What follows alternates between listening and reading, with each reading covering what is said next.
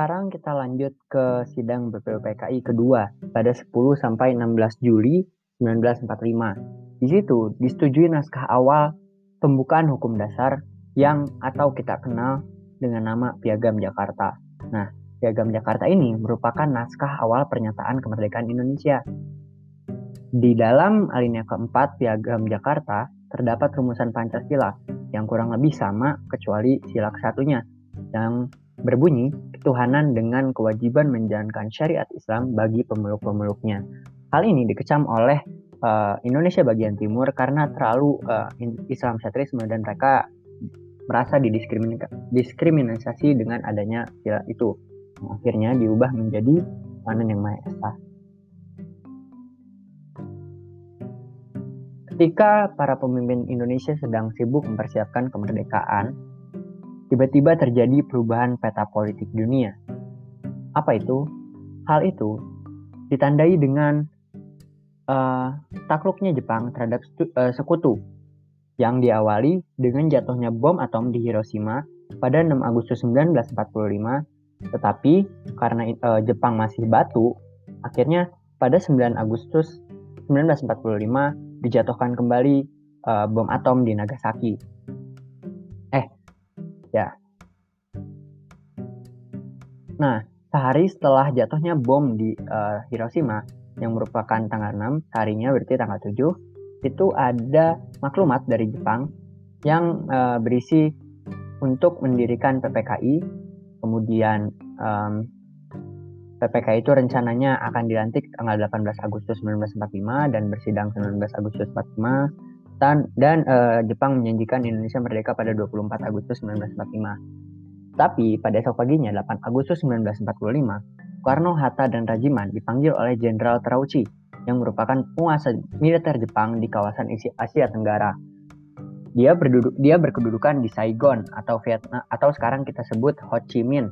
Itu kota di Vietnam. Nah, Tiga tokoh tersebut diberi kewenangan oleh Terauchi untuk segera membentuk suatu panitia persiapan kemerdekaan atau PPKI kita kenalnya untuk uh, memperkuat maklumat pemerintah Jepang 7 Agustus 1945 tadi yang berisi tiga poin itu. Nah, pulang, pulang dari kota itu, tiga tokoh tersebut membentuk PPKI dengan total 21 orang. Nah, um, jatuhnya bom di Hiroshima membuat belum membuat Jepang takluk. Seperti yang tadi gue bilang bahwa Jepang masih batu dan akhirnya Amerika menjatuhkan kembali bom di Nagasaki pada 19 Agustus pada 9 Agustus 1945. Nah, akhirnya Jepang pun menyerah kepada sekutu pada 14 Agustus 1945. mengetahui hal ini, mengetahui hal ini, um, rakyat Indonesia mengetahui kekosongan kekuasaan yang tidak boleh disia-siakan oleh para tokoh nasional PPKI yang semula dibentuk Jepang karena Jepang sudah kalah dan tidak berkuasa lagi, maka para pemimpin nasional pada waktu itu segera mengambil keputusan politis yang penting. Keputusan politis penting itu berupa melepaskan diri dari bayang-bayang kekuasaan Jepang dan mempercepat rencana kemerdekaan bangsa Indonesia. Inilah kenapa kita tahu kita um, selalu bilang kalau misalnya kemerdekaan kita itu bukan dari Jepang, tapi hasil usaha kita sendiri karena memang kita mempercepat kemerdekaan kita daripada janji Jepang di tanggal 24 Agustus tadi. Nah, kemudian pada 12 pada 12 Agustus 1945, Soekarno, Hatta, dan Raji menuju Diningrat dipanggil oleh penguasa militer Jepang di Asia Selatan ke Saigon untuk membahas tentang Hari Kemerdekaan Indonesia sebagaimana yang pernah dijanjikan. Tapi di luar dugaan, kan tadi 14 Agustus Jepang nyerah ya. Nah, pada 15 Agustus akhirnya Soekarno, Hatta, dan Rajiman balik lagi ke Indonesia.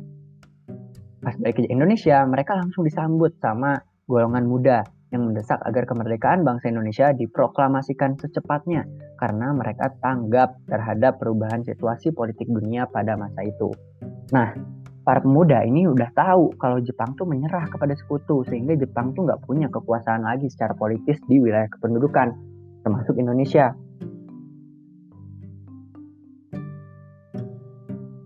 Akhirnya, uh, Perubahan situasi yang cepat itu menimbulkan kesalahpahaman antara kelompok pemuda dan kelompok tua, hingga akhirnya terjadilah peristiwa yang kita kenal dengan penculikan Rengas Dengklok, yaitu pem, uh, penculikan Soekarno Hatta dan Muhammad Hatta, eh, penculikan Soekarno Hatta dibawa ke Rengas Dengklok untuk berdiskusi, berdiplomasi untuk segera mengumumkan kemerdekaan Indonesia. Tindakan pemuda itu berdasarkan keputusan rapat yang diadakan pada tang pada pukul 24.00 menjelang 16 Agustus 1945. Nah, akhirnya dicetuskanlah proklamasi kemerdekaan Indonesia pada 17 Agustus 1945. Teks itu didiktekan oleh Muhammad Hatta dan ditulis oleh Soekarno pada dini, pada dini hari. Dengan demikian, Naskah bersejarah teks proklamasi kemerdekaan Indonesia ini digagas dan ditulis oleh dua tokoh proklamator tersebut sehingga wajar jika mereka dinamakan Dwi Tunggal. Jika mereka tuh kayak berdua tapi hanya ternyata terus. Nah, selanjutnya uh, kita tahu bahwa naskah proklamasi ditulis oleh Sayuti Malik, diketiknya oleh Sayuti Malik. Uh, jadi jadi gini, jadi yang mendiktekan itu Muhammad Hatta, yang menulisnya Soekarno, yang mengetik Sayuti Malik.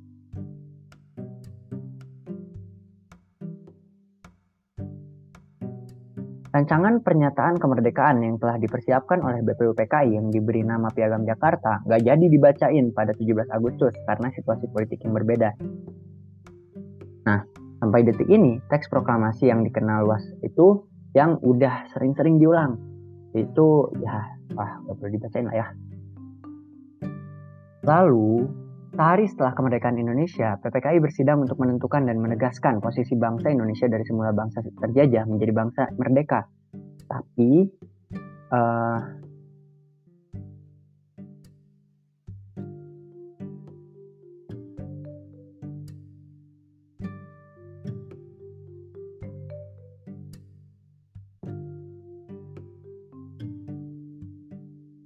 Indonesia sebagai bangsa yang merdeka memerlukan perangkat dan kelengkapan kehidupan bernegara, kayak dasar negara, undang-undang dasar, pemimpin negara, dan komponen pendukung lainnya.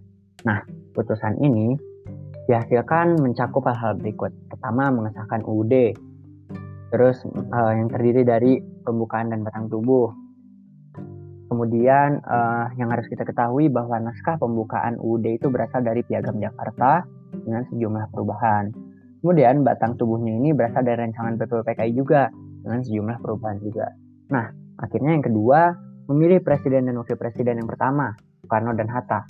Kemudian mereka juga membentuk KNIP yang anggota intinya bukan mereka ya Indonesia itu membentuk KNIP yang anggota intinya adalah mantan anggota PPKI ditambah tokoh-tokoh masyarakat dari banyak golongan.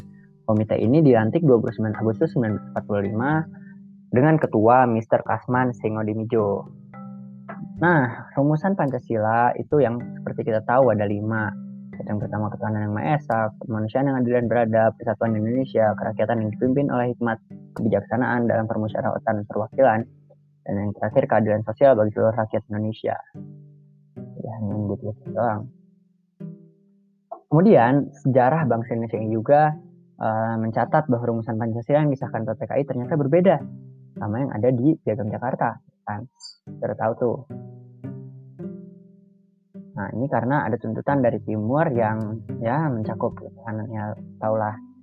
Dari Islam Islaman mereka enggak. Tetapi setelah kemerdekaan Indonesia uh, roda pemerintahan yang seharusnya berjalan dengan tertib ternyata menghadapi sejumlah tantangan yang mengancam kemerdekaan negara dan eksistensi Pancasila.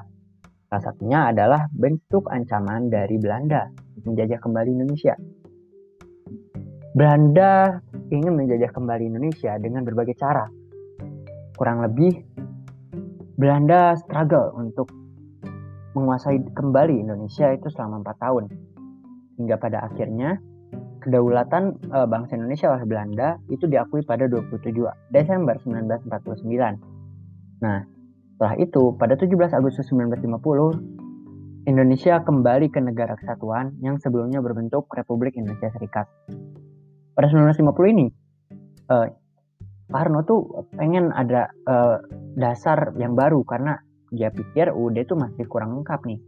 Akhirnya uh, dibuatlah konstitusi baru yang uh, untuk maksudnya di, dibuatlah konstitusi baru yang dinamakan Undang-Undang Dasar Sementara 1950 atau UUD 50. Tapi masalahnya, ketika Indonesia kembali ke negara kesatuan, ternyata tidak menggunakan UUD 1945, sehingga menimbulkan persoalan. Nah, UUD S50 ini uh, akhirnya menjadi dasar untuk melakukan pemilu yang pertama yaitu pada 1955. Pemilu ini dilaksanakan untuk membentuk dua badan perwakilan yaitu Badan Konstituante yang nanti bakal membuat UUD yang barunya karena kan tadi uh, UUDS sementara dan DPR yang akan berperan sebagai parlemen. Tapi pada 1956, eh nggak bukan tapi sih, akhirnya 1956 Badan Konstituante mulai bersidang di Bandung untuk membuat UUD yang definitif sebagai pengganti UUD 1950. Tapi sidang ini menjadi berlarut-larut ketika pembicaraan memasuki kawasan dasar negara. Bagian anggota menghendaki Islam sebagai dasar negara, bagian lagi menghendaki Pancasila sebagai dasar negara. Ini selalu menemui jalan buntu yang selalu juga diselesaikan oleh voting.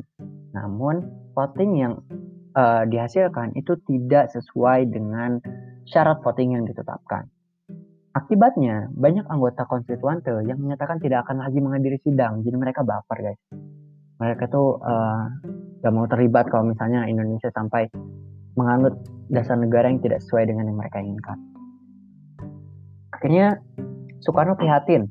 Dan pada 5 Juli 1999 Presiden mengeluarkan dikrit yang berisi untuk pertama penulisan Pancasila bagaimana termaktub dalam pembukaan UUD 45 lalu kemudian yang kedua penyelenggaraan negara dijadikan kembali balik lagi ke UUD 45 dan yang terakhir uh, segera membentuk MPRS dan DPAS sehingga uh, membubarkan anggota konstituan juga.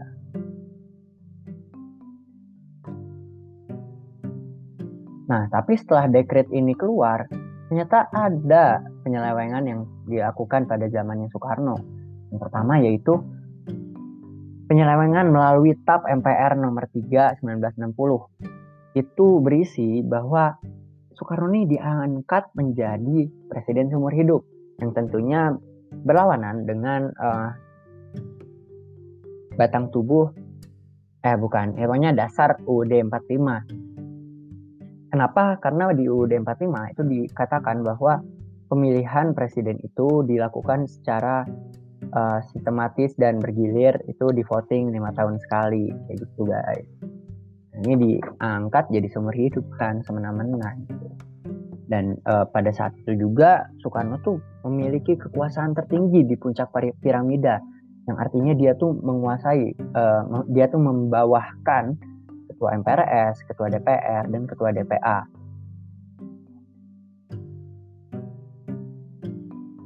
Akhirnya terjadi pertentangan antar pihak yang begitu keras seperti yang terjadi antara tokoh PKI dengan perwira Angkatan Darat sehingga terjadi penculikan dan pembunuhan sejumlah perwira AD yang dikenal dengan B30 SPKI.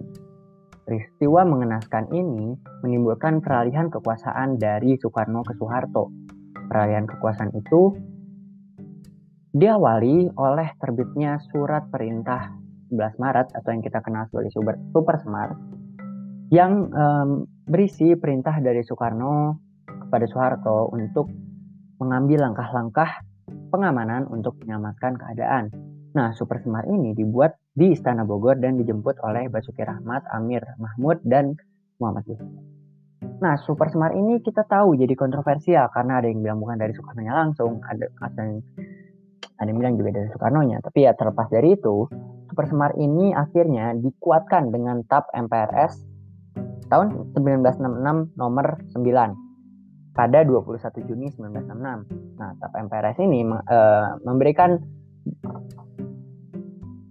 apa ya estafet pemerintahan dari Soekarno ke Soeharto sehingga akhirnya yang awalnya uh, surat perintahnya ini dari Soekarno untuk bikin Soeharto jadi presiden akhirnya dikuatkan oleh MPRS. Jadi ini perintahnya sekarang dari MPRS, guys. Ini sekarang um, menjadi fakta bahwa ini adalah peralihan dari Soekarno ke Soeharto. Akhirnya pada bulan berikutnya 5 Juli 1966 MPRS mengeluarkan TAP nomor uh, eh, 18 tahun 1966 yang isinya mencabut TAP MPRS tahun sebelumnya bukan tahun sebelumnya tahun 60 yang mengatakan pengangkatan Soekarno sebagai presiden seumur hidup itu diangkat tuh guys pada zamannya Soeharto. Nah, akhirnya konsekuensinya Soekarno bukan lagi nih presiden seumur hidup. Setelah menjadi presiden, akhirnya Soeharto mengeluarkan Inpres nomor 12 tahun 1968 tentang penulisan dan pembacaan Pancasila sesuai dengan yang tercantum di pembukaan UD 45. Ini tuh harus kita tekankan karena sebelumnya pada pasca pengeluaran dekret 5 Juli 1959 tuh penulisan Pancasila tuh beraneka ragam. Mungkin ada yang pertamanya masih keislaman, ada yang ya pokoknya beraneka ragam. Gak ada yang mengatur ter apa ya kayak belum kuat lah belum kuat. Nah pada zaman Soeharto ini juga mengeluarkan um, usul kepada MPR tentang pedoman penghayatan dan pengamalan Pancasila atau P4. Nah P4 ini yang tadi kita udah bahas banget di awal banget itu uh, ditetapkan akhirnya oleh TAP MPR 1978 namanya Eka Patria Pancakarta.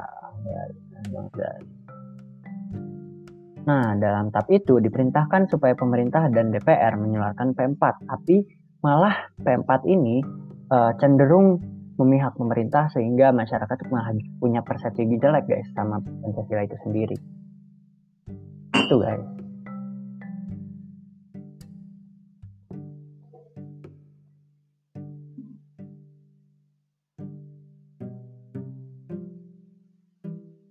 Nah, sekarang kita uh, menuju akhir-akhir guys. Kita menggali sumber historis, sosiologis, politis tentang Pancasila dalam kajian sejarah. Yang pertama sumber historisnya. Nilai-nilai Pancasila ini sudah ada dalam adat, kebudayaan, dan agama yang berkembang dalam kehidupan bangsa Indonesia sejak zaman dahulu. Bahkan sejak zaman kerajaan guys. Jadi ini tuh nggak diada-adain waktu rapat BPUPKI, ngide-ngide gitu, ngadi-ngadi yang penting keren, ada-ada kayak gitu guys. Kita emang dikaji dari uh, kitab-kitab dari kebiasaan bangsa Indonesia dari zaman kerajaan. Um, kemudian yang kedua sumber sosiologisnya nilai-nilai Pancasila ini secara sosiologis telah ada dalam masyarakat Indonesia sejak zaman dahulu juga ya, kurang lebih sama aja lah. Uh, bisa dilihat dengan kebiasaan untuk bergotong royong. Namun sebenarnya ini pendapat gue sendiri pribadi gotong royong itu sekarang udah lumayan luntur ya. Nah, pasti paling Indonesia jatuh ke jatuhnya kayak individualis kemudian yang ketiga itu sumber politisnya. Sumber politisnya ini uh, di, diberi label atau diberi nama kerennya tuh local wisdom. Local wisdom ya ya ujung-ujungnya sama-sama aja sih. Ujung-ujungnya tuh ya itu emang nilai-nilai yang dimiliki oleh rakyat Indonesia. Kemudian uh, kita akan membahas tentang membangun argumen tentang dinamika dan tantangan Pancasila dalam kajian sejarah bangsa Indonesia.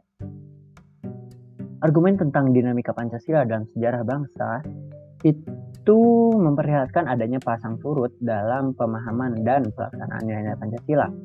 Misalnya nih, pada zaman Soekarno tuh lebih terkenal Nasakom daripada Pancasila. Karena waktu itu uh, ya Soekarno tuh lebih dekat ke komunis. Tapi pada zaman Soeharto, Pancasila dijadikan pembenar kekuasaan melalui penataran P4 tadi. Meskipun ya muncul juga pro kontranya, tapi ya orang nggak berani. Soeharto hilang nanti guys. Kemudian salah satu tantangan terhadap Pancasila dalam kehidupan berbangsa dan bernegara adalah meletakkan nilai-nilai Pancasila ini tidak dalam posisi yang sebenarnya sehingga nilai-nilai Pancasila menyimpang dari kenyataan hidup berbangsa dan bernegara. Contohnya tuh ya pengangkatan sumur hidup tuh yang Presiden uh, Soekarno tahun 1960 melalui TAP MPRS nomor 3. Nah, uh, hal ini tuh yang bertentangan. Lebih detailnya pada pasal 7 UUD 1945, guys. Yang berbunyi, Presiden dan Wakil Presiden memangku jabatan selama lima tahun, sudahnya dapat kembali gitu guys. Batasnya dua kali. Cuma kalau dua kali itu bukan dari UD itu selanjutnya